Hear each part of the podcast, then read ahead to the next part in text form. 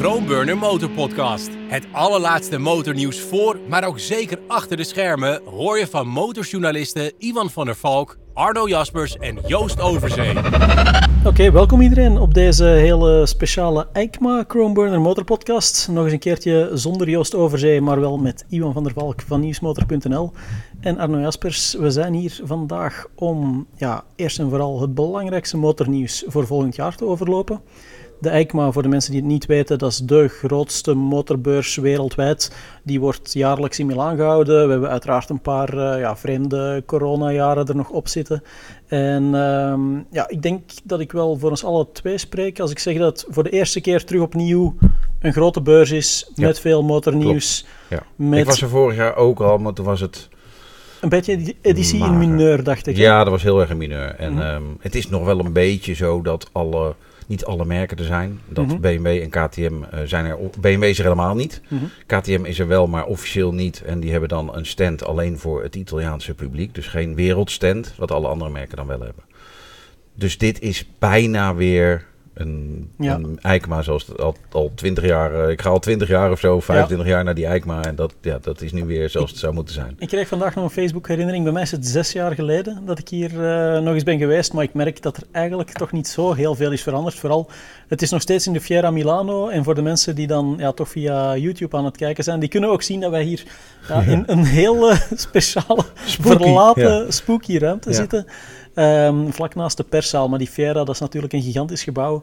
Uh, daar zijn vier zalen propvol met motoren. En ja, hier, kijk, het gebeurt nu al. Komen er natuurlijk af en toe nog mensen binnen. Ja. Dus we gaan, uh, we gaan zien hoe dat gaat. Maar Precies. misschien over de orde van de dag. Ja. Het belangrijkste, zullen we gewoon de merken van, van A tot Z ja? overlopen? Ja? Van, van Aprilia tot Zontes? Ja, dat zou kunnen, maar dan moet ik wel zeggen dat ik geen lijstje voorbereid heb wat op alfabet staat. Dus ik begin gewoon bij, bij hoe, wat er bij mij dan bovenaan het lijst okay. staat, omdat het toevallig zo gelopen is. Um, het grootste nieuws is denk ik toch hier op deze beurs van Honda. En dat komt uh, ook wel een beetje omdat Honda het enige merk is die uh, samen met Suzuki die gezegd hebben wij bewaren alles tot de EICMA. Mm -hmm. Alle andere merken, uh, Ducati heeft al alle modellen onthuld, Kawasaki, Yamaha. Die hebben wel nieuws, maar hebben niet gewacht tot de EICMA. Maar dat is ook een beetje aan het veranderen geraakt natuurlijk. Dat, ja. Dus bovenaan het lijstje staat Honda. Dat was, die hebben nogal wat journalisten ook ingevlogen. Dan denk je al, dan zal er wat zijn en dat is er ook. Um, en vanmorgen, groot auditorium vol, komen ze best wel met groot nieuws, toch? Um, met nogal wat updates voor modellen als de Fireblade en de Africa Twin. En dat zijn allemaal echt ja, minor updates. Ja. Uh, uh, een beetje de vering veranderd, uh, aan het motorblok iets gefriemeld. Nou, echt, echt minor. Maar de grote knaller is dan toch wel de Hornet 1000. Nou, Ja. daar kon je wel een beetje op wachten. 150 pk, 4 cilinder. Super gaaf ding. Ja. Ehm, eigenlijk denk je wel weer een beetje, het is back to the future. Want we hebben ooit al een Hornet 900 gehad natuurlijk. En een 1000 Mhm. volgens mij misschien ook nog wel. Ehm, maar wel een heel vet ding. En eh, ziet er goed uit. Ehm, en, en, en wat ik echt opvallend vond, is dat Honda gewoon echt serieus aan het gas ge- geven ging. Van joh, we hebben die, we hebben die, we hebben die. Ja. Eh, ja, eh, niet om onaardig te doen, maar Yamaha heeft een MT-09. En wat onzin over onderdelen die ze verkopen op een bepaald model. Daar krijg je dan vandaag ook een per Ja, van. Zo werkt het spel. Mhm. Ehm, zie je, want wij hebben toch ook nieuws, maar dat, nee, dat hebben ze dan niet. Ehm, dus dus nou, die pakte wel flink uit. En dan, Het enige bij die Hornet waar ik een beetje op mijn honger blijf zitten, dat is natuurlijk wel als je dan met een super naked uitkomt, dan wil je ook echt ja, super naked cijfers zien. Honda kiest daar weer een beetje de, de sensible road, zal ik maar zeggen. Ze gaan niet mee in die horsepower strijd. Ze gaan niet eh, voor de 220 pk of wat dan ook. Ik geloof dat hij er 150 heeft. of 150 geeft erop, ja. Ja. ja. ja, Dat vind ik dan Ja. toch zo'n beetje ja, niet echt super naked-achtig. Is weer typisch Honda. Ik bedoel, eh, hè, het is eh, veilig en het is bla bla bla. En Mhm. het is. eh, nou ja, het, het ziet er dan wel koelig uit, maar voor een Honda moet je er dan wel weer bij zeggen. Ja. Want normaal zijn Honda's natuurlijk ja, wat aan de saaie kant. Ehm, dus nou ja, daar heb je gewoon een punt. Absoluut. Ik bedoel, eh, een Super Duke die draait met twee vingers in zijn neus rondjes te lachend omheen, denk ik. Mhm. Eh, maar ik, ik vul nu al in dat die eh Hornet 1000, eh, dat je erop stapt en denkt, hé, hey, maar dit, is- Ja, dit ding ken thuis- ik al. Thuiskomen. Ja, de, de, Het, het Honda-cliché. ja, ja, precies. En dus, dus dat gaan ze vast goed, eh goed Ja, ze hebben verder ook wel een hele mooie stand gebouwd hier. Dat, Ja. dat is zeker een dingetje. Ze hebben ook een super uitgebreid gamma. Ehm, ik zag verder ook nog een heel leuke op de stand. Dat heeft dan niks met die Hornet 1000 te maken, maar met de Hornet 750. Volgens mij wordt er in Azië een soort van cup mee georganiseerd. Oh, en nu hebben ze van die Hornet 750 ook een cupversie eh gemaakt. Eh, ik heb er een fotootje van getrokken. Ik zal hem naar Reno doorsturen, onze Oh, technische cool. man. Ja. Die hier trouwens niet bij is. Dus als je klachten hebt over Ja. het geluid, ja, Dan is dat Iwan zijn en schuld. ik. Ja. Nee, is dat alsnog zijn Iwan en ik zijn niet verantwoordelijk. Nee, precies. Nee, maar dus eh, die Hornet Cup die zag er ook wel eh, weer heel mooi uit. Maar ik vind dan jammer dat dat zo de, de leukere nieuwigheden Ja, moeten zijn. ja, je verwacht ja, toch altijd ja. nog dat er... Ja. eh, Nou, daar heb ik er toch nog eentje. Vind- Wat ik erg leuk vond, is dat ze ta -ta -ta -ta -ta, de CBR 600 RR officieel teruggebracht hebben naar de Mhm. openbare weg. Ja, dat is gewoon totale onzin. Daar gaan ze er drie van verkopen. Nou, dat Ja. is hartstikke tof. Echt super gaaf. Daar word ik heel erg vrolijk van. Dat Honda dat soort dingen. hij is Dat is Ja. onverstandige dingen zo nu en dan doet. Mhm. Eh, dat maakt het wel weer heel erg leuk. Hij is er al veel langer geweest. In, eh, want hij is nooit weg geweest, echt. In, in Europa is hij In, wel in Japan en in de States bleef Ja. hij gewoon doorverkopen. hè? Ja. En eh, de laatste versie zag er zo goed uit dat het eigenlijk onbegrijpelijk was dat ze geen Europese goedgekeurde versie hadden. Mhm. Eigenlijk is het ook bijna niet meer te doen om zo'n kanon Europees goedgekeurd te krijgen. Ja. Wat je dan kan doen is hem zo afknijpen dat er eigenlijk geen gang meer in zit. Maar dat je, zoals je dan de uitlaat eraf gooit en de ECU, dat je dan opeens toch weer... eh, Ja, sche- track ja. use only. Voor track use only. Nou, dat doen de meeste merken. Maar ze hebben dus, ze geven hem op voor 120 pk. Nou, dat is een bekend gegeven Ja. eh, in, in supersports. En, en dus hebben ze dat nog voor elkaar gekregen. Dat is al een hele tour geweest. Omdat in Euro 5 plus denk ik dat die ook al goedgekeurd is. Mhm.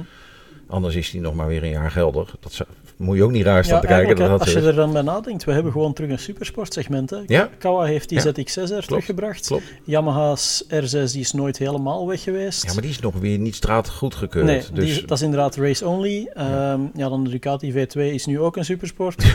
dus eh, op een of andere manier ja, ja, Ja. hebben we toch weer een, eh, ja, een mooi, mooi ja, viertal. Next Generation Ja. heet dat dan. Hè? Dat, eh, want een MV Agusta F800 past daar ook in. Ja, en, juist. En een Ducati, wat we vroeger een superbike noemden, is tegenwoordig een eh, Supersport. En, die, en die schopt ze ook allemaal onder de kloten in, uh, in de WK Supersport. Als we dan over die segmenten bezig zijn, vind ik dat wel een mooi bruggetje naar een andere motorfiets. En nee, we gaan niet meer van, eh, van A naar Z. Maar eh, ja, een van de grote nieuwigheden hier vond ik ook wel... Ja, ik mag het geen GSXR noemen. Maar eigenlijk is het wel een soort van. Suzuki GSXR, namelijk GSX-S8 R? Nee. GSX 8R. Die namen zijn echt een ramp. Ze hebben twee modellen uitgebracht. Ik zal het voorlezen, anders ja. gaat het geheid mis. GSX 8R. Juist. En de GSX S1000 GX. Daar gaan we het zo ook nog over krijgen. Maar die GSX 8R is in, ja, zeg maar even een Suzuki R7. Ja, pretty, much. Pretty, much. De, de supersport op basis van, eh, van een naked bike die er zat aan te komen toen ze met de GSX 8S ja, uitkwamen. Klopt. Eh, die is er nu ook echt. Daarmee ja, hollen ze inderdaad een beetje achter de R7 aan, achter de, achter de Aprilia. Maar ja, achteraan hollen is dat niet het juiste woord, want ze hebben volgens mij gewoon de beste naked bike basis eh, om van te beginnen. Ja, super. Dus ik Ja. verwacht ook Ja. wel echt, eh, echt een- dingen. Van, eh, van die nieuwe Suzuki. En die klasse wordt dan wel wat. Dat is dan wel weer heel erg lollig. Ja, je hebt terug Super Twins. Ja, ja, dan moet ik toch nog even één sprongetje terugmaken. Want wat je hier dan aan de hand ziet, dit is weer een 800. Hm. En uiteindelijk zijn we begonnen met een 6,5 natuurlijk. Met eh, de, de V-strom en, god heet het, dat andere ding ook alweer. Ehm, de SV650. Juist. Ehm, en hier zie je dat ook weer, dat ze steeds weer groter worden. Daar kan ik gelijk nog even teruggrijpen naar Honda. Die kwam ook met twee leuke dingetjes wel. De NX500 en een nieuwe eh, CB500. En dan een Hornet versie, dus eh, de Hornet 500. Ehm, dus dat segment begint ook flink te groeien. En daar past dit natuurlijk super goed in. Ja. Want in die gedachte is die 800 een hartstikke gave premium fiets. En misschien dat dat straks alweer een echte raceklasse zou kunnen worden Ja. met die twins. Het zijn wel frikandelletjes. Ik bedoel, het is... Het zijn niet de vier cilinders van weleer. Ik Nee, denk dat we het daar wel eens over ja. kunnen zijn. Die, die twee cilinders, dat is gewoon eh, ja, ander vlees dat je in de kuip hebt dan de, de echte racemotoren van toen.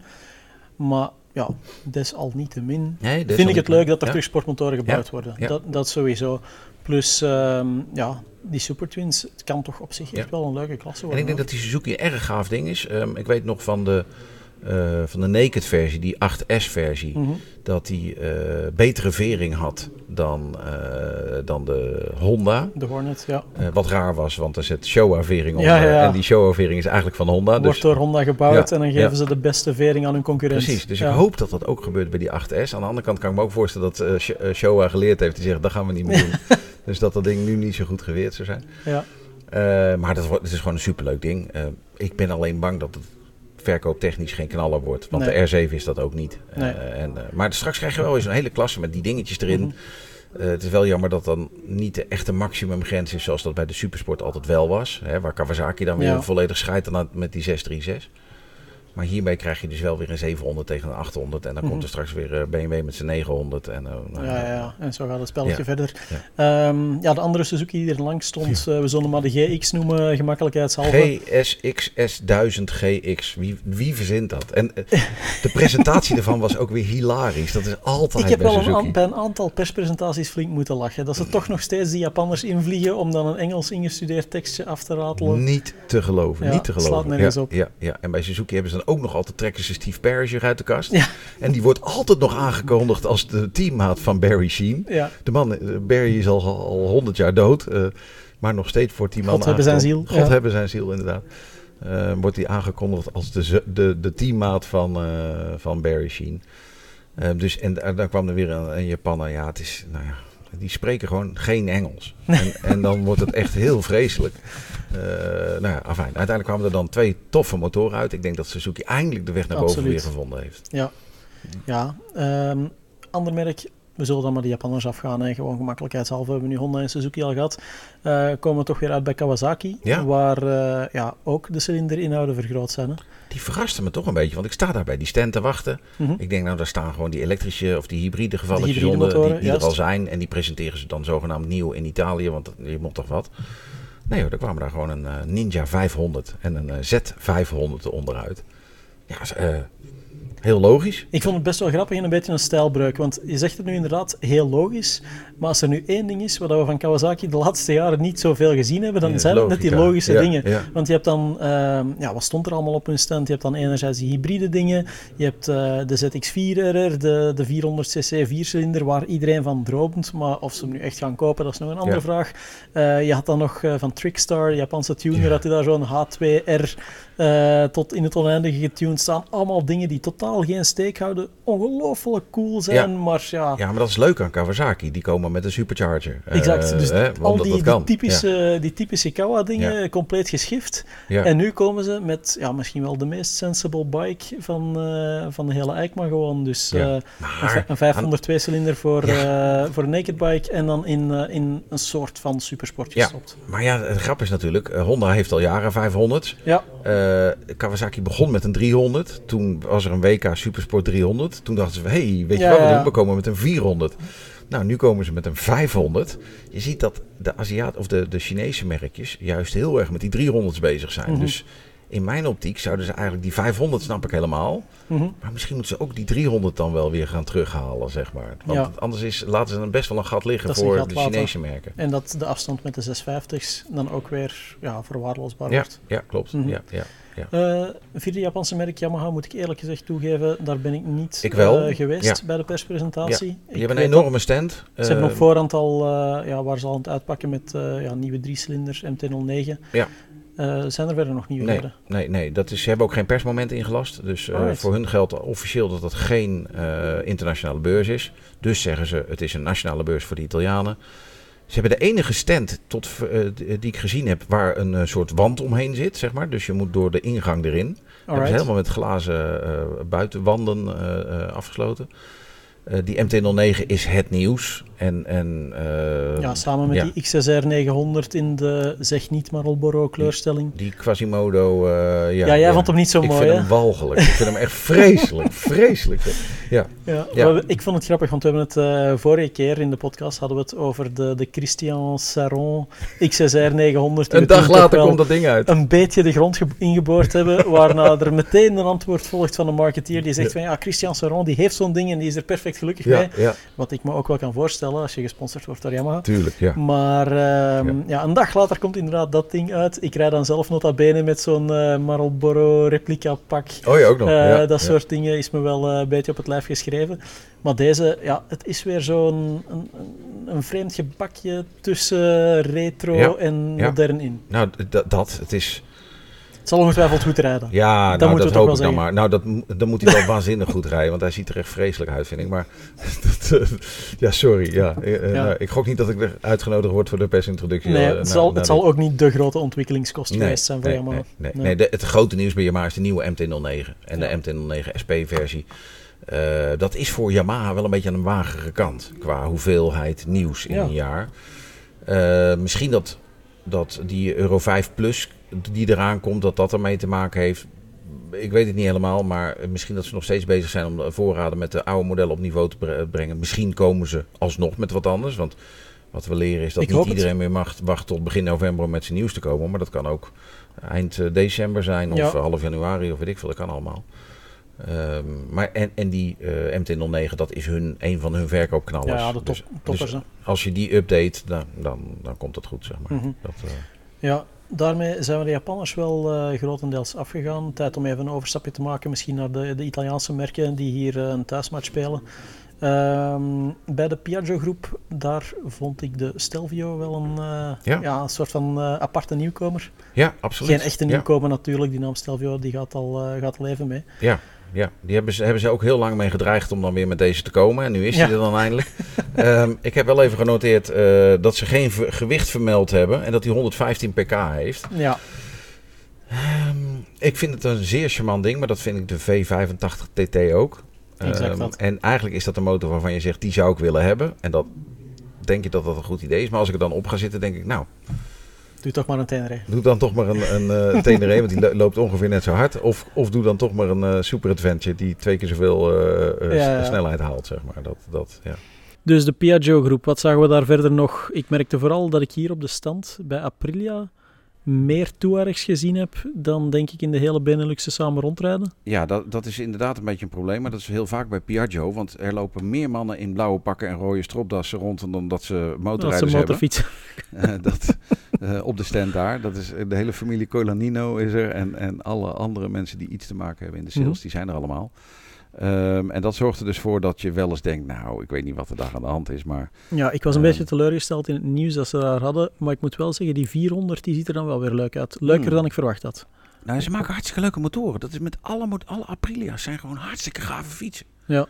Alleen ze, ja, ze bouwen ze zo'n ding en dan, en dan ja, daarna ze- denken ze, nou, nu gaan we even een grappatje drinken en, Ja. eh, en de kleren verder. Het, het is echt ongelooflijk. In Nederland ook is van Piaggio helemaal niks meer over. Er werken gewoon volgens mij nog, nog twee of drie mensen tegenwoordig. Mhm. Eh, en die zijn vooral druk. En dat is ook heel super logisch met die Vespaatjes, want daar verkopen ze er een miljard van. Ja, de scooters doen het ontzettend goed en dat zag je dit keer Ja. ook op de stand. Ik denk dat Vespa daar zo'n soort van speciale, speciale sectie had waar dan de scooters tentoongesteld worden en de rest ja, hoort er ook bij, maar Ja, Ja, het is ja. wel duidelijk waar, eh, waar de nadruk Nee, ligt. klopt. Ze hadden van die V85 TT hebben ze dan wat pakketfietsen. Nou, de Adventure en de Urban, of de, weet ik veel hoe dat dan, eh, van die Mhm. pakketdingen. Met die Vespaatjes hebben ze ook zoiets, volgens mij een klein upgradeje. Ehm, dus, dus weinig nieuws, behalve dan inderdaad die Stelvio. Dat is wel een eh, superleuk ding. Mhm.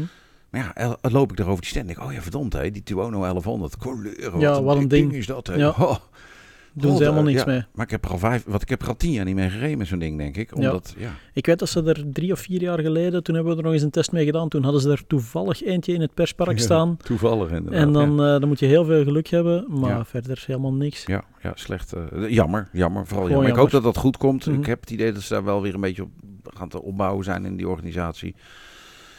Maar ja, het is, als je meerdere tijd merken hebt, ja, dan, Mhm. dan, dan ja, degene waar het meest verkocht wordt en het meest verdiend wordt, die krijgt dan alle voorrang. Dat Ja. is ook niet helemaal onlogisch. Ja. Van eh, gigantische verkoopcijfers gesproken, als we binnen de Italianen blijven, MV Agusta. Die hebben Ah, wel een gigantische stand neergezet. Ja. En eh, ja, eindelijk is er ook weer ja, de Cagiva Elefant, ik mag het niet ja, zeggen. dat is hem. Dat is hem. maar ja, eh, ja. ja. dat is hem eigenlijk wel. Ja, ja, dat heet nu de LXP eh Orioli. Hè. De Eh, Lucky Explorer. Ja, ja, Dat is een, ja, een saga ja. die ondertussen al van voor corona meegaat, volgens nee, mij. klopt. Ja, en, en waarvan wij ook al een paar keer het erover gehad hebben, omdat de nieuwe groot aandeelhouder KTM, die overigens sinds de laatste keer dat we het erover hadden aangegeven heeft, wij gaan toch groot aandeelhouder worden. Mhm. Eh, eind 2025 bepalen we de prijs aan de hand van de, van de koers en dan 2026 mogen we groot aandeelhouder worden. Nou, dat werkt allemaal, eh, allemaal keurig. Alleen ehm, de groot aandeelhouder KTM heeft gezegd, nou jongens, die dingen moeten jullie helemaal niet gaan maken, want dat, is gewoon, dat past helemaal niet bij jullie. uiteindelijk komt nu toch die LXP er. Daar zeggen ze, we gaan er 500 van bouwen. Eh, ik denk dat ze die 500 ook wel gaan verkopen. Maar je loopt een beetje het risico natuurlijk. Stel dat ze daarna zeggen, nou, dat was hartstikke leuk. We hebben het toch gedaan. Mooi Eh, verhaal, doen we helemaal verhaal. niks mee. Ja, dan ben je een van de eigenaren van die, van, die, van die 500. En ik weet niet of dat dan goed of slecht nieuws is. Nee. ik denk Ja. over 50 jaar is dat goed nieuws. De komende vijf jaar is het slecht nieuws. Ja. Ja, verder denk ik dat bij MV de gebruikelijke dingen op de stand stonden. Weer wat special editions, brutales, et cetera. Maar niks, eh, niks wat we niet eerder gezien hadden. Ja, die assen heb ik nu voor het eerst gezien. Ja, de, Dat blauw-witte. Ja, Die zag er inderdaad Ja, ja. mooi Ik uit. weet niet waarom een motor uit assen blauw-wit is, maar oké. Ja, Allah. Ja, alle. Kijk, en zo stapt er hier nog eens iemand achter ons Ja. eh, de, de spooky perszaal Ja. binnen. Blijven Ja, we gewoon precies. lekker bezig. Ja. Ja, één stand waar er wel nieuwigheden te bespeuren waren van Italiaanse merken, dat is bij Ducati. Die eh, hanteren een totaal andere strategie, Ja. zoals je al zei. Die hebben dan hun online eh, press launches, Precies. waarvan, eh, ja, we zullen maar meteen met de belangrijkste in huis vallen. Dat is de Hypermono, die ze geïntroduceerd hebben. Ja. Ja, 968 supermotaar, één cilinder, eigenlijk een halve Panigale 1299. Ja. Eh, 968 zeg je? Sorry, 986. 698? 698. Ja? Nee, ja, ik dacht al. Ik heb even niet Dat is mijn, eh, ik heb al, me al dat is mijn, dis mijn dyscalculie die, eh, die even boven komt drijven. Ja. Nee, uiteraard is het een, eh, ja, zeg maar een, ik durf niet zeggen een, een 690 of een 701, Dan wel. maar ja, ja. dan weet je wel meteen wat de grootste concurrenten moeten worden klopt, voor die Ducati. Ja, dat is Mhm. ook best slim, want ehm, Ducati... er zijn wel veel mensen die vragen zich af, is dit de eencilinder die ook in de motocross komt? Eh dit is wel lachen, want er lopen nu wat Italianen voorbij die zijn bezig. Want dit moet vanavond, denk ik, een hele hippe eh, locatie worden. Ja, de partyzaal. Ja, precies. We gaan die gewoon niet weg. We blijven ja. Ehm, Nee, dit, ga- het dit, gaat niet, dit gaat niet de mono worden voor de voor cross. de cross. Nee. Nee. Nee, nou ja, het aparte is dat er nog wel mensen waren die dat wel dachten. En nou, uiteindelijk de overlap zou best wel slim zijn. Maar dat blok wat hierin zit, is geen crossblok. Gewoon. Nee. Dat is gewoon, daar is hij veel te dik voor. Eh, is ook niet echt gebouwd als crossblok. Dat zie je wel helemaal aan de, aan de configuratie. Maar ik denk wel dat het een uh, hooligan fiets eerste klas wordt, zeg maar. Dat, Ja, eh, ja. Je weet dat ik eh, grote fan ben van de MT-07 en eh, ja, die 690 van KTM, de 701 van Husqvarna heb ik altijd al superleuke dingen gevonden. Dus dit is mij ook gewoon helemaal op het lijf geschreven. Dat is echt wel iets waar ik naar uitkijk. Het, eh, het introductiefilmpje, dat sprak ook al boekdelen. Dat was gewoon ja, Ja. eh, smeulend rubber en eh knee-downs en wheelies en elbow-downs en eh, nog net geen crashes. Maar Nee, eh, ik nee. durf, durf bijna te winnen dat er sleutelbenen Nou, gesneuveld dat zijn is een beetje het lastige, vind bij de opname van die Ja, filmpjes. Want zo'n Ducati, als je die op de grond gooit, ben je gewoon gelijk 3000 euro armer. Dat is het ding, hè. Prijskaartjes die erbij horen, die zijn niet mals. Nee. Maar nu weet ik ook wel dat dat bij die 690 van, eh, van KTM, dat dat ook wel altijd een dingetje waar, was. Hè. Ja. En uiteindelijk, wat ik er ook van moet zeggen, het zijn superleuke dingen.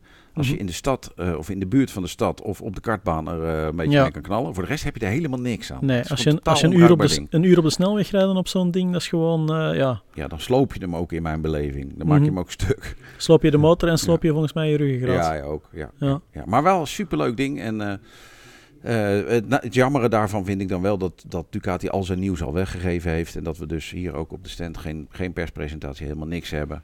Ehm, ik, nou, dat is niet helemaal zo. Om Dat vijf uur hebben ze nog een momentje. nog een, ja, eh, een ik vermoed dan, mijn invulling alvast is dan maar dat ze dan een special edition hebben van het een of ander. Zo werkt het dan altijd. Dat, Dat, je dan toch iets Nieuw onder- kleurtje ja, ertegen, klaar. dan kan je toch iets onder het doek vandaan trekken. Mhm. Eh, maar die doen dus inderdaad, die hebben in de afgelopen vijf weken elke donderdagavond een nieuw model onthuld. Nou, Ja, eh, dat, dat is de nieuwe, de nieuwe Morris in, in Motorland, zeg maar. Dus, ja. Ja. Ik denk dat we daarmee de Italianen ook wel eh, het grootste deel gehad hebben. ja, nou, dat is wel een heel mooi bruggetje. Want ehm, eh, er zijn ook nogal wat niet-Italianen die wel Italiaan zijn. Juist, ja. En dat zijn, het staat hier ramvol met Chinezen. En het was Echt niet al- normaal, hè? Het was altijd al zo dat je eh, in een vroegere edities had je de bo een bovenverdieping en daar stonden dan die Chinezen met honderd knipperlichtjes of remleidingjes of in ieder geval technische bedrijfjes die proberen wat te verkopen. Alle kleine standjes bij en in Chinatown. Ja, ja, nou die zijn er nog steeds. De- je loopt rond, dan kan je gewoon, als je een, big shopper bij je hebt, kan je eh, alle onderdelen kopen Ja. voor een motor en dan de motor in elkaar zetten. Dat, dat is prima. Ehm, het is alleen wel zo dat langzaam maar zeker ze ook in de eh, motorhallen binnengedrongen zijn. Dus je Dat. ziet heel veel merken waar je nog nooit van gehoord hebt. Lingfao, eh Hangqing, eh Flinglong. Dat. Ehm, en die hebben dan ja, motoren staan. Of meestal lichte dingetjes, meestal elektrische dingetjes. Ja, of wat erop trekt. En veel, veel fietsen zelfs. Ik moet zeggen, voor mij Ja. een van de toppers was eh Mangosteen uit Oké. Guangzoo. Oh ja, Die, eh, ja. Ja. wereldbekend in, in ja, dat district van Guangzhou waarschijnlijk. Die hadden hier een heel gamma aan elektrische choppertjes en eh, bakfietsen en you name it. Nog nooit van gehoord. Ik kan me niet voorstellen dat die dingen ook zomaar legaal in Europa op de weg te krijgen zijn. Ja, ja. En toch staat het hier. En eigenlijk ja, vormt het gewoon de meerderheid van de stands. Ik denk als je de stands klopt. apart gaat optellen, dat er veel meer van die Chinese merkjes zijn. Zeker. En, die En, ook en niet alleen hè. nee. ja, Pakistaans, Ja. you, you name it. eh, De Chinezen zijn wel de meeste en die hebben ook Hm. echte complete line-ups van motoren al. En, Ja. en eh, niemand wil eigenlijk, eh, nou ja, nou, dat klinkt onaardig, maar zijn hond erover laten pissen. Eh, je ziet dat niemand daar, daar op die stand gaat lopen, er gaat niemand kijken, weet je wel. Maar aan de andere kant denk ik wel, ik loop nu langs een stand en waarschijnlijk heb ik over vijf jaar spijt, want dat merk, eh, dat wordt heel groot en, en die bouwen nu al alles voor eh, Yamaha. ik denk, ik denk dat dat vooral de vraag is. Dat het niet alleen is van wordt heel groot, maar dat het ook gewoon een ding is van verkoopt in, verkoopt in China misschien al meer motorfietsen dan Honda nog in, eh, in de Benelux doet. Om maar iets. Ja, ja, ja, daarom, iets te daarom, roepen. zeker waar. Ja, het, is, ja, het, is, ja. het is geen eerlijk vergelijk, maar ehm, het is moeilijk om, nog, eh, om echt een waarde erop te plakken. En wij spreken dan in Europa wel graag over de premium merken, maar ik denk dat ze daar in Azië helemaal eh, ja, Ja. niet mee in zitten. Hè. Klopt, en je ziet ook dat heel veel van die Chinese motoren tegenwoordig heel erg netjes zijn, heel erg goed. Ik Dat, heb net nog op een CF motor gezeten, zag er perfect uit. Ja, maar wat je vooral- CF, Moto, daarmee kies je er natuurlijk Ja. wel weer eentje uit. Nou, de grap is, eh, er zijn nogal wat merken en daar, eh, die maken nu eigenlijk een beetje het gat tussen Europa eh, en China. Dat zijn Chinese bedrijven die Europese namen overgenomen Mhm. hebben. Vooral Italiaanse namen. Motomorini, ehm, Benelli. Benelli, MBP heb je tegenwoordig. Dat is ook eh, Milano, Hatzeflats. Ehm, en je ziet dat dat al wel een beetje geaccepteerd is. Hè? Bij Mhm. Motomerino komen ze nu met een Corsaro Sport en een Corsaro 750. Leuke fiets Ja. trouwens hoor, zien er leuk uit allebei. Escape 1200. Dat zijn allemaal wel motoren waarvan je denkt, ah, nou, Kan best. dat, ja. ja. dat past al wel een beetje hier. En we weten wel dat ze uit China komen, maar het wordt meer ac- geaccepteerd dan een, dan een motor die Ling Fao heet. ja, exact. Ehm, en daar zijn er dus best wel veel van ondertussen. Ehm, en om heel eerlijk te zijn, ik bedoel, tegenwoordig is eh, eh, Bimota is ook eh, in Aziatische handen. ja, Dan wel niet in China, maar Ja. Kawasaki. Ehm, en die kwamen met een Tera eindelijk, waar ze al heel lang ook mee dreigen. juist, dat ding heb ik Ja. ook gezien. Ja. Wel heel apart. Hè? Ja. Een, een hoogpoter met dan die, die Met voorkant met ja, ik, Heb jij ooit met zo'n naafbesturing gereden? ja, ja, ja ik, ik heb ooit een legendarisch moment met de beroemde German Ooms. Oké. Op Be- Belgische motorjournalist, ja. Belgische motorjournalist. Op TT-circuit in Assen hadden we een introductie van Bimota toen nog. Ik weet echt niet meer wat het was. De XB eh, had... eh, eh, Ja. XB, eh, XB nog wat. En ehm, daar zat een Suzuki-blok in, meen ik, uit mijn hoofd. En nou, de, die wisten ze voor elkaar te krijgen. Dat ding binnen een kwartier begon de olie uit te pissen. Uit- Uit de dat is Suzuki-blok. eh, sterk, ja. ja. en toen zeiden ze, ja, dan moet je nog een paar rondjes rustig aan meedoen. dan moet je tegen German Ooms zeggen. Dus die, Ja. die had de prachtigste wheelie-foto's achter op het circuit laten maken. Ja, waar ding. de olie uit het Waar de motorblok olie is. uit dat ding zeker, ja. ja. Ja, prachtig. En daarna is het toen ook helemaal stil geworden. En nu zijn ze dan weer terug in de handen van Kawasaki.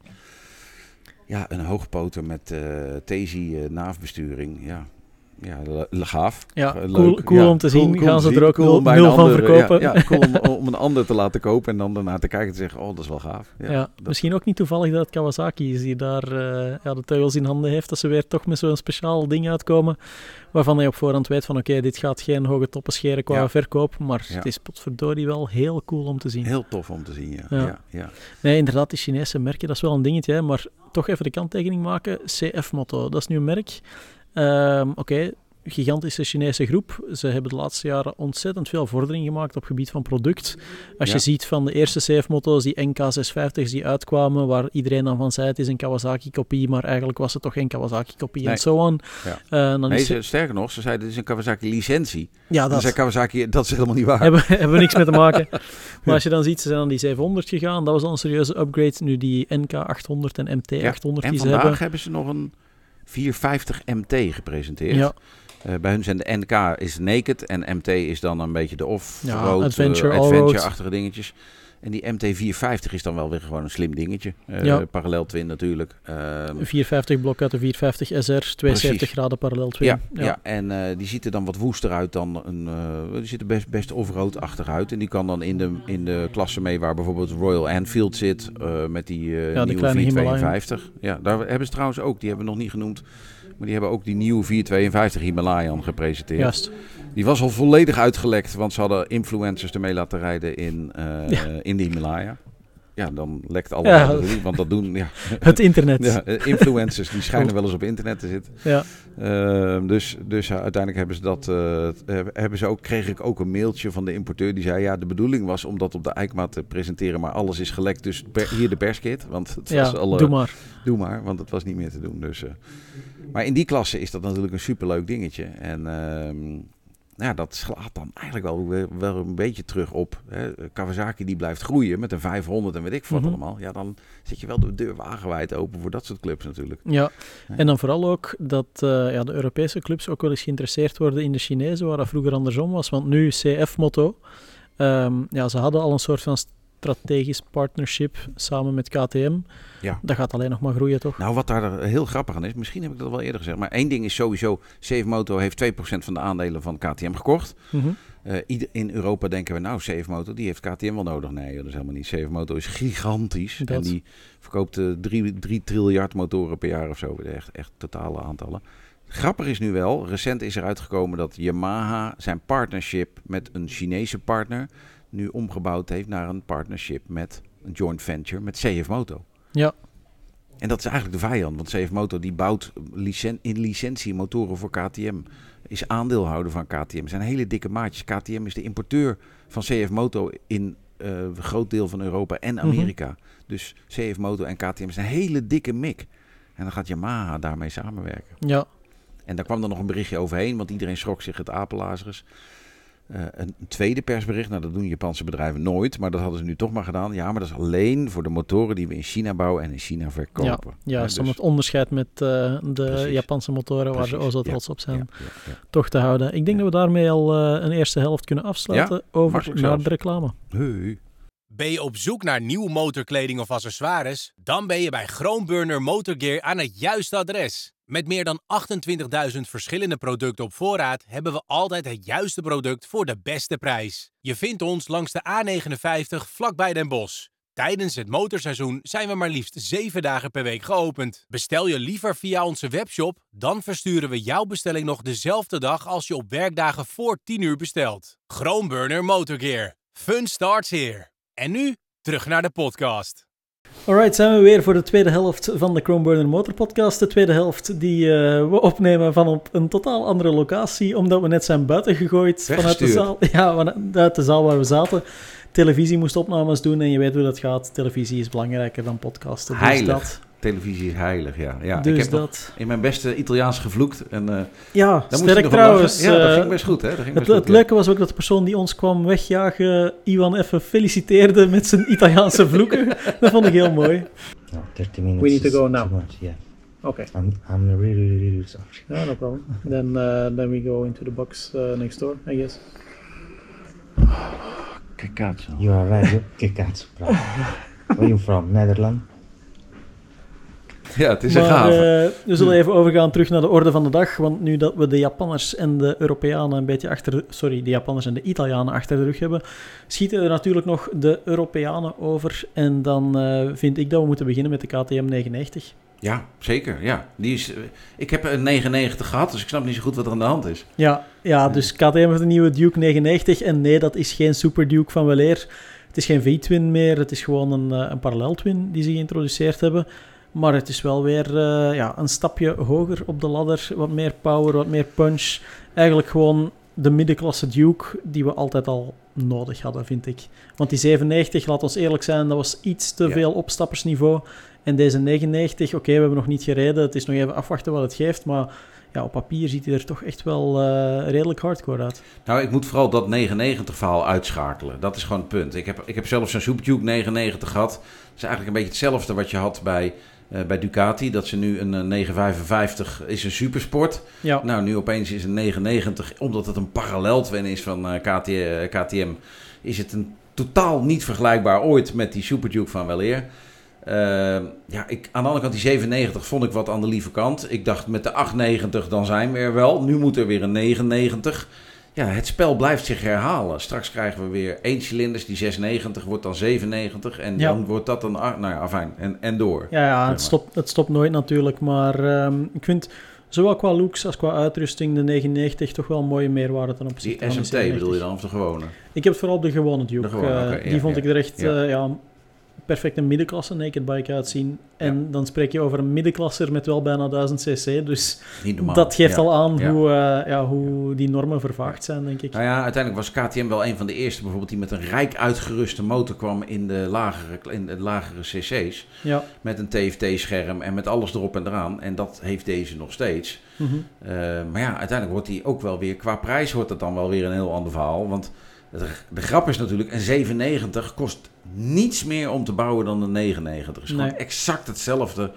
Eh, gewoon, eh, hè, dat, dat scheelt niks. Alleen ze vragen voor die 99, vragen ze gewoon 3000 euro Ja. meer waarschijnlijk. Dus eh, ja.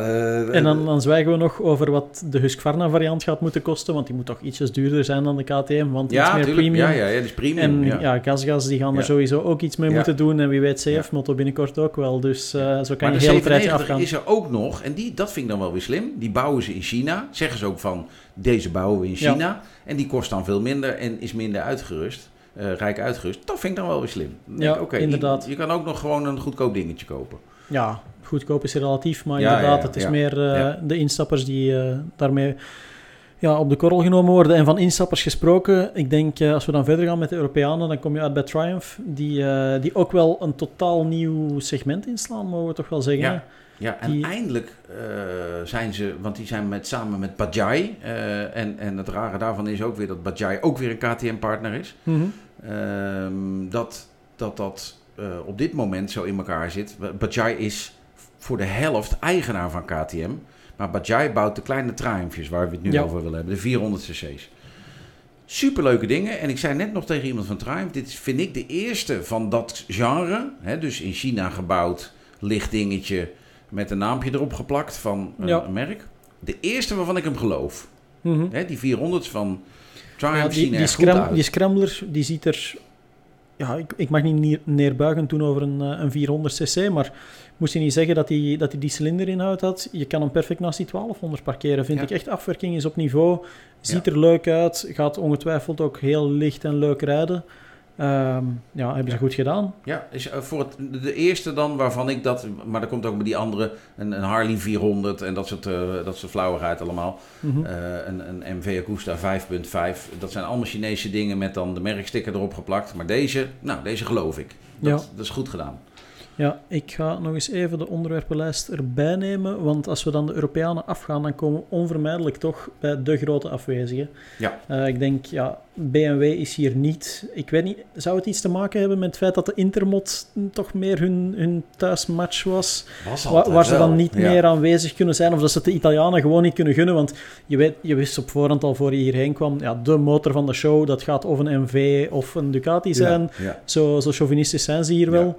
Ehm, ja, het Ja. blijft vreemd dat BMW er niet is. En vooral omdat als er nu één nieuwigheid is die we dit seizoen gekregen hebben, ja, dat spreekt niet alleen voor de Benelux, maar voor heel Europa, dan is het toch wel die GS 1300. Ja. Dat is de motor van het moment. Perspresentatie is net achter de rug. Iedereen is er mega lovend over. En als je hem hier wil zien, ja, dan moet je op de stand van Wunderlich gaan kijken naar een exemplaar waar dan zo ja, een setje koffers en, eh, en wat valbaren Ja. zijn tegenaan gegooid. Aftermarkets die toch ja, minder en minder verkocht gaan worden, want BMW voorziet gewoon alle opties al zelf. Dus ehm, Nou, ja. sterker nog, eh, die worden dan weer gemaakt door uh, Wunderlich Ja. meestal. Want zo en er wordt dan een ander logo opgeplakt. Eh, ja, ja eh, volgens mij kreeg ik laatst een mailtje, ik weet niet of het Wunderlich was of zo'n andere accessoireboer. Toura, ja, Touratech. eh, Touratech, ja, ja. die Vario-koffers. Ik heb zo'n ding eh, staan nu, zo'n 1300 GS. Daar zitten Vario-koffers op. Dat is een beetje een vaag eh, systeem, maar afijn. Die Wacht, zijn... dat zijn de, de accordeonkoffers Ja. die je zo kan, eh, kan uitklappen. ja, waar- klopt. oké. Maar dat, nou ja, afijn, daar ga ik eh, nog wel wat van Je vinden. bent grote fan. eh, ik, ik nou, er zitten voor en, en ook wat nadelen aan. Ehm, maar die worden, Touratech stuurt laatst een persbericht rond dat zij die gemaakt hebben. Dus, ehm, eh, maar het is wat je zegt, is helemaal waar. Het is raar dat ze hier niet zijn. Ook omdat die Italianen komen hier en dan staat BMW er niet. Mhm. Dat is, dat is gek, maar BMW heeft gewoon ooit gezegd: wij stoppen met die Eikma. Eh, Ze waren eerder al gestopt met de Intermod en daar stoppen we er helemaal mee. En ehm, ja, dat maakt het dan wel een beetje raar dat ze dan. Want KTM is er officieel ook niet, maar is er wel gewoon met een nationale stand. Ja, Daar staan hun modelaanbod staat erop. Ze doen geen persimomenten, ze doen geen internationale dingen, ze doen gewoon niks. Mhm. Het is gewoon de stand van Ja. KTM, punt. we hebben het niet aangekondigd, maar ik denk dat Reno hier gewoon even voor de lol de raar nieuws eh, intro mag spelen. Ja. Want dit is met verre voorsprong het raarste nieuws van de hele EICMA. Reno, Reno, rare nieuws. Raar nieuws. Ehm, ja, het is een gemis. Het is eh, zeker een gemis. Ehm, mm, aan de andere kant ja, biedt het dan weer ruimte voor andere merken. Maar ik kan me vooral voorstellen dat... Ik bedoel, er wordt ongelooflijk gekankerd in Nederland over de eh, motorbus Utrecht. Mhm. Dat daar de motormerken niet waren. De grap is, die waren er niet omdat de motormerken dat niet willen. Omdat ze dat geld niet uit willen geven. Ja, Nou, dat is hartstikke goed. Daar krijgt Motorbus Utrecht dan de schuld van. Dat is een beetje raar. Maar dat ligt eigenlijk aan die motormerken. Die kiezen ervoor omdat dat ze dat geld aan wat anders uit willen geven. Nou, dat is een prima keuze. Maar, ehm, en hier krijg je dan een beetje hetzelfde. Ik kan mij niet voorstellen dat niet heel Italiaans motorrijdend eh, eh, land op de achterste poten staat van jongens BMW, Bobby's Ja. doen. exact dat. Ehm, de vaste rubrieken, we zullen ze toch nog maar heel eventjes afgaan. De brieven, die gaan we overslaan. Ja, want dat is echt wel. Joost zijn Ja, ding. Joost, ja, Joost, eh, Joost beginnen ze ook meestal mee. Ja, die hebben Die, we, die die kan hebben je we nog wel sturen als je naar Joost wil dat hij daar wat mee doet. Dat is eh, motorpodcast.nieuwsmotor.nl Kijk, En liefst aanhef lieve Joost. lieve Joost. Ja. Dat terzijde hebben we wel een motormarketingmisser. Althans, ik heb er eentje. MMM, de motormarketingmisser. Eh, die kreeg ik door via ja, Michael Ras, ook geen onbekende tuurlijk, van in, eh, in de Ja. motorwereld. Ehm, die had een foto getrokken van V-Moto. Dat is een eh, ja, voornamelijk elektrisch scootermerk. Ik weet niet wat ze nog anders doen. Ehm, Urban Electric Mobility is hun, hun, hun sleutel, hun motto. Ehm, ze hadden een foto getrokken van hun Guinness World of Records, dus een record dat ze hebben gevestigd, met een persoon die 1931 kilometer non-stop heeft gereden in 24 uur op hun elektrische scooter. Zo! Dus dat is op zich best een prestatie, maar dat zet dan ook heel gemakkelijk de, de poort open om erbij te zetten van ja, die jongen die moet gewoon de, de grootste kutdag van zijn leven beleefd hebben op zo'n elektrische scooter. Wie haalt het in zijn hoofd om dat te doen? Ja. Ik vond het wel een, eh, een kleine marketingmisser waard. Ja, ja ach, eh, het VM motor. Nou ja, dat dat doet me de- vooral denken aan al die Chinese merken hier op de, op de eik. Maar die hebben allemaal van die kreten, weet je wel. En, en die kreten zijn over het algemeen gewoon best grappig. Want die zijn of niet helemaal correcte Engels, of gewoon ja, van, die, van die open deuren die ingetrapt worden. Mhm. We are urban mobility, weet je wel. Dat soort, ja, dat, eh, daar heb je er wel vier van. Ja, zaten we op te wachten, jongens. Ja, Echt. ja, ja, Dat- dat is echt eh, prachtig. Maar deze is ook wel V-moto's. eh, is dat niet van Soco ook? Super Soco? Die zitten ervoor iets tussen. En ik weet dat ze bij Ducati Corse ook zo'n beetje sponsoring Ja, hadden van paddock scooters en weet ik veel. Maar het is allemaal heel erg vaag. En ik denk dat ja, heel veel officiële communicatie zal je er in Europa ook precies.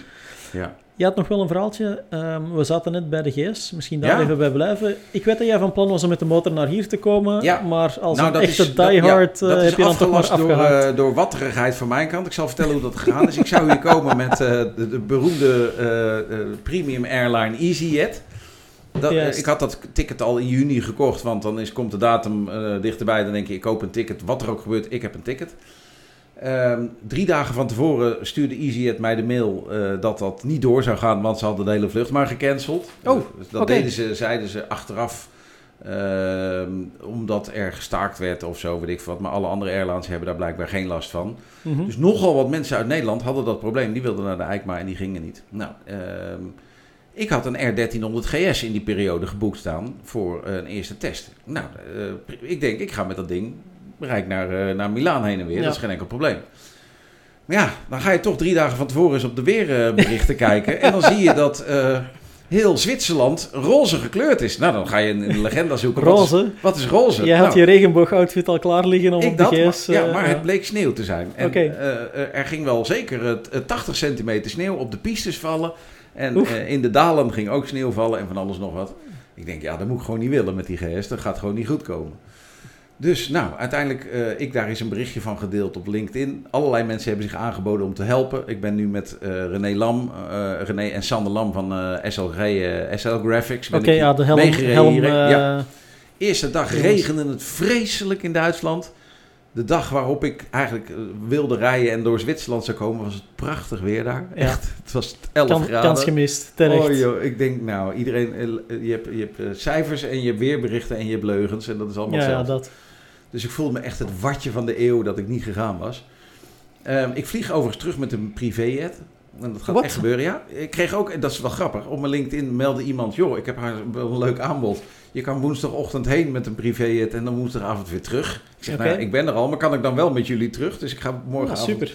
Met een privéjet vanaf Linate. Ik ben heel benieuwd hoor. Misschien is een Cessna, moeten we gewoon eh, drie keer sto- stoppen onderweg. Dit is zo'n hoax, dat ja, kan ja, gewoon anders. ja, of ik word, kom daar, word ik keihard uitgelachen of zo. Ja, Ja, zoiets. alsnog met EasyJet. Ja.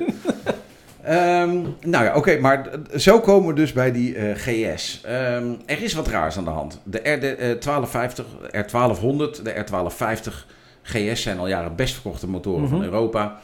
Ehm, veel mensen zijn zo blij met dat ding omdat hij een cardan-aandrijving heeft. En een Exact. cardan hoef je nooit onderhoud aan te plegen. Geen onderhoud. Nou. Dat is een van de sleutel. Exact. Dat is ook waarom de overheid met die dingen wil rijden. Je wil niet steeds met je busje kettingsmeer aan de hand staan. Dat is waarom de cardan... eh, Dat is een van de factoren die BMW groot gemaakt heeft. Nou, nu is alleen het punt.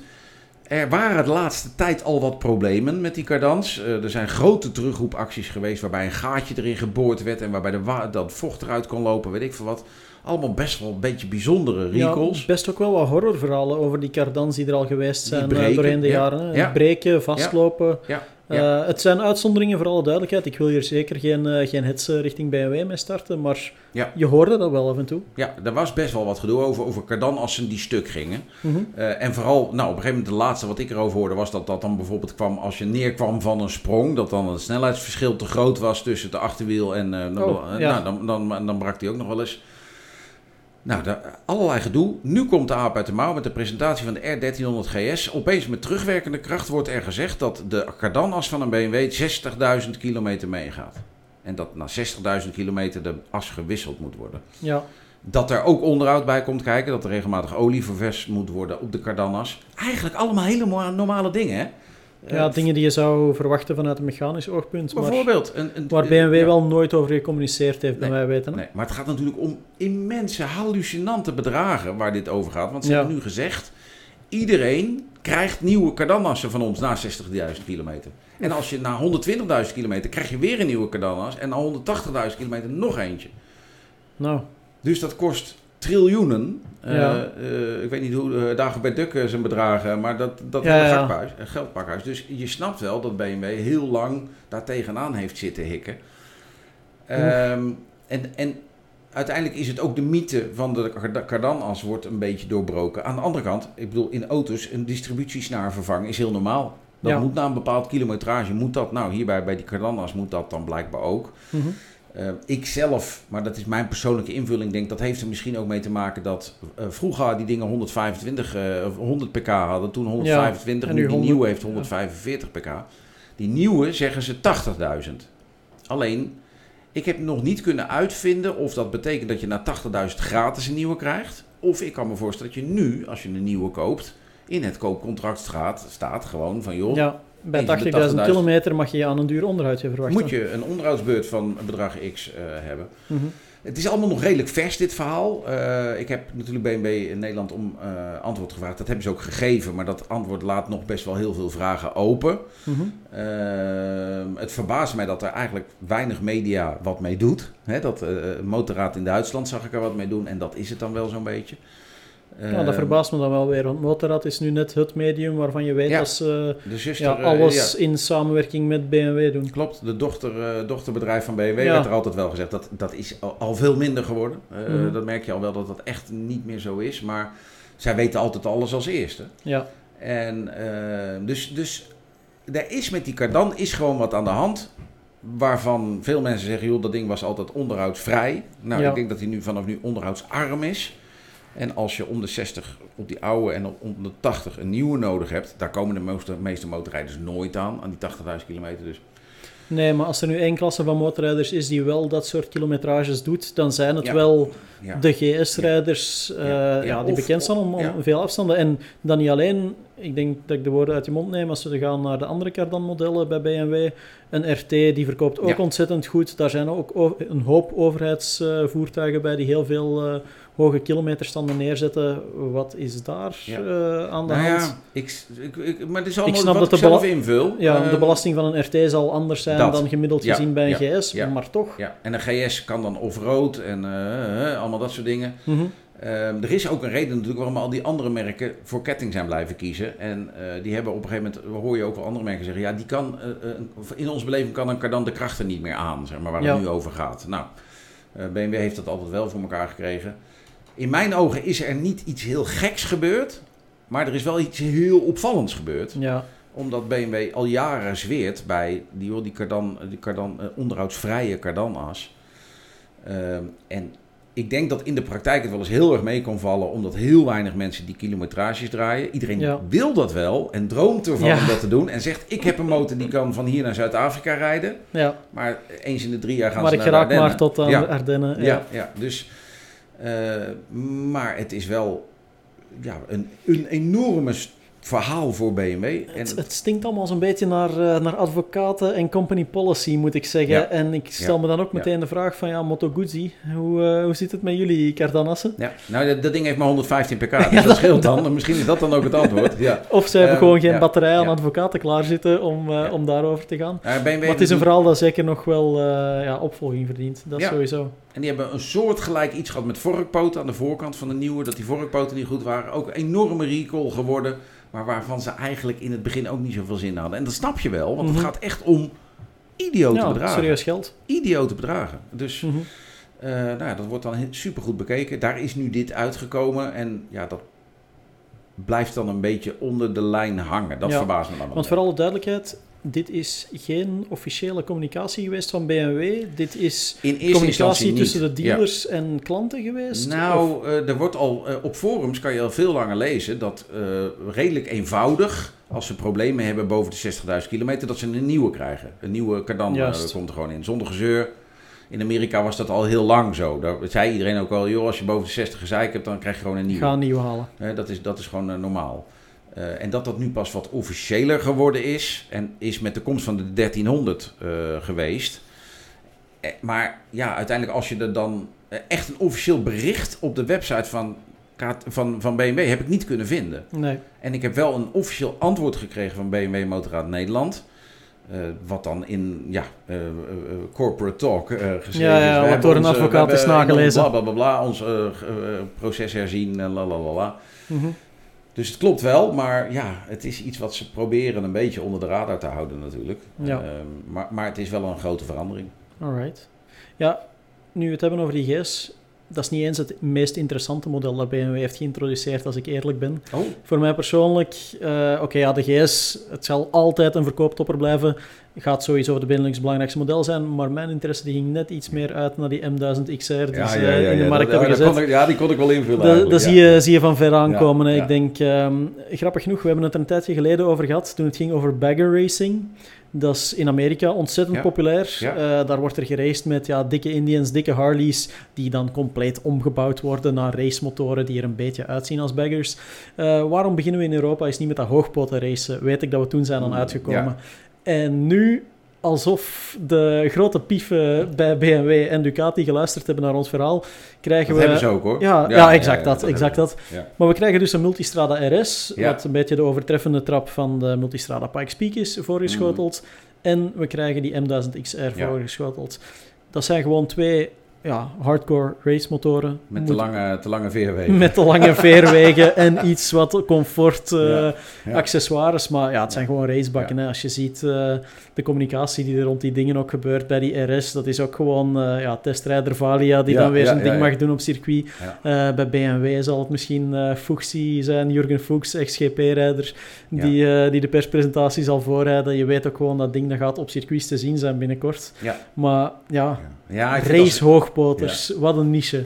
Nou, het is wel echt een niche niche. En voor, de- voor die raceklasse vind ik eigenlijk... A, moet je dan over de regelgeving na gaan denken. Je voorvork moet minstens drie meter lang zijn. Of zo, weet je, dat soort dingen. Eh, Dat maakt het wel een beetje bijzonder. Ja, Eh, eh, je moet minstens rechtop zitten alsof je nog een banaan in je, in je Ja, hebt zitten, dat. weet je wel.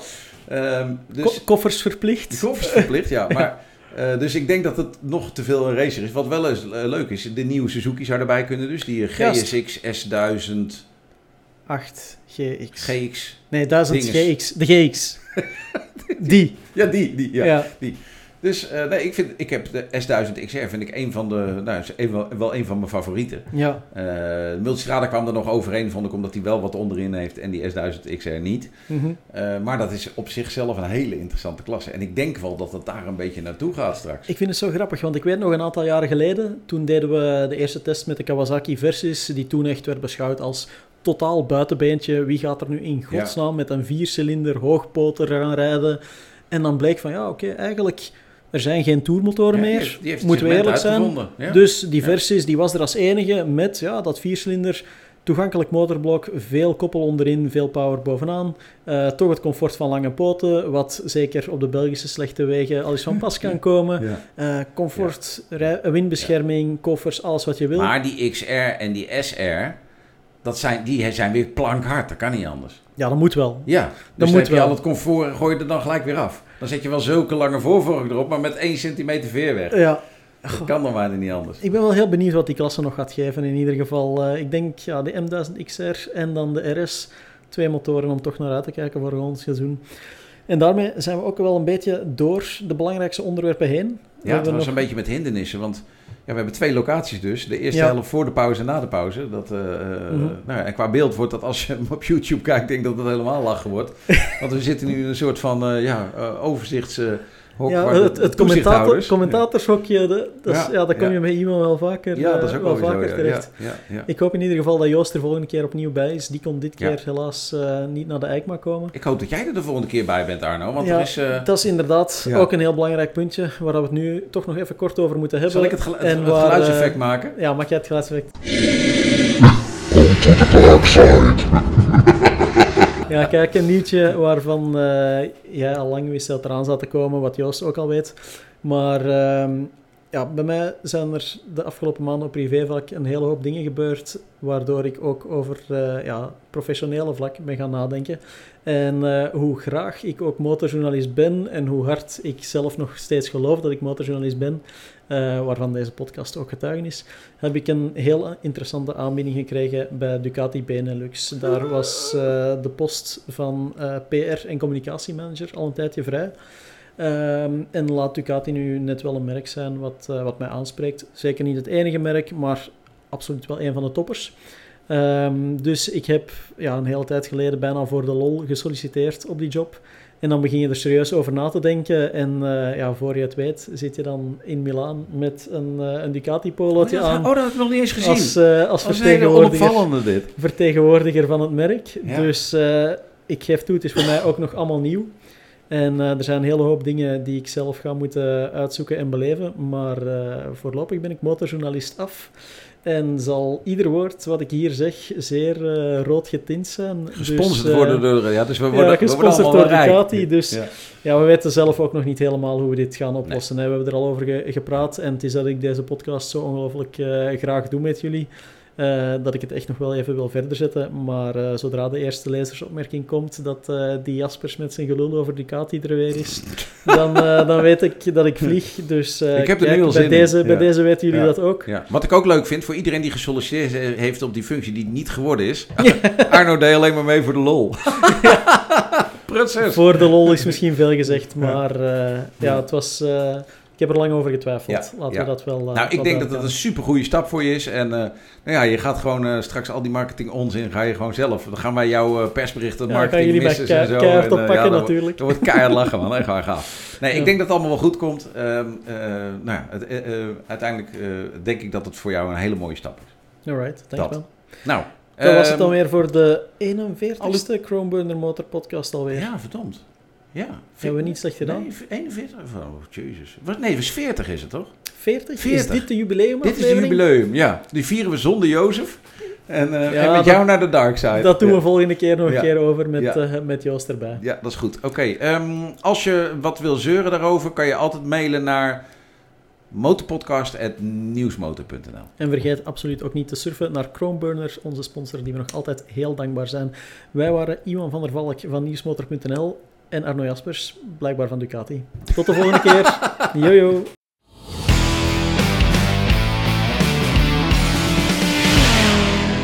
Leuk dat je luisterde naar de Groenburner Motorpodcast. We starten alvast de motoren om aan de slag te gaan voor de volgende aflevering. Die hoor je over twee weken. Tot dan!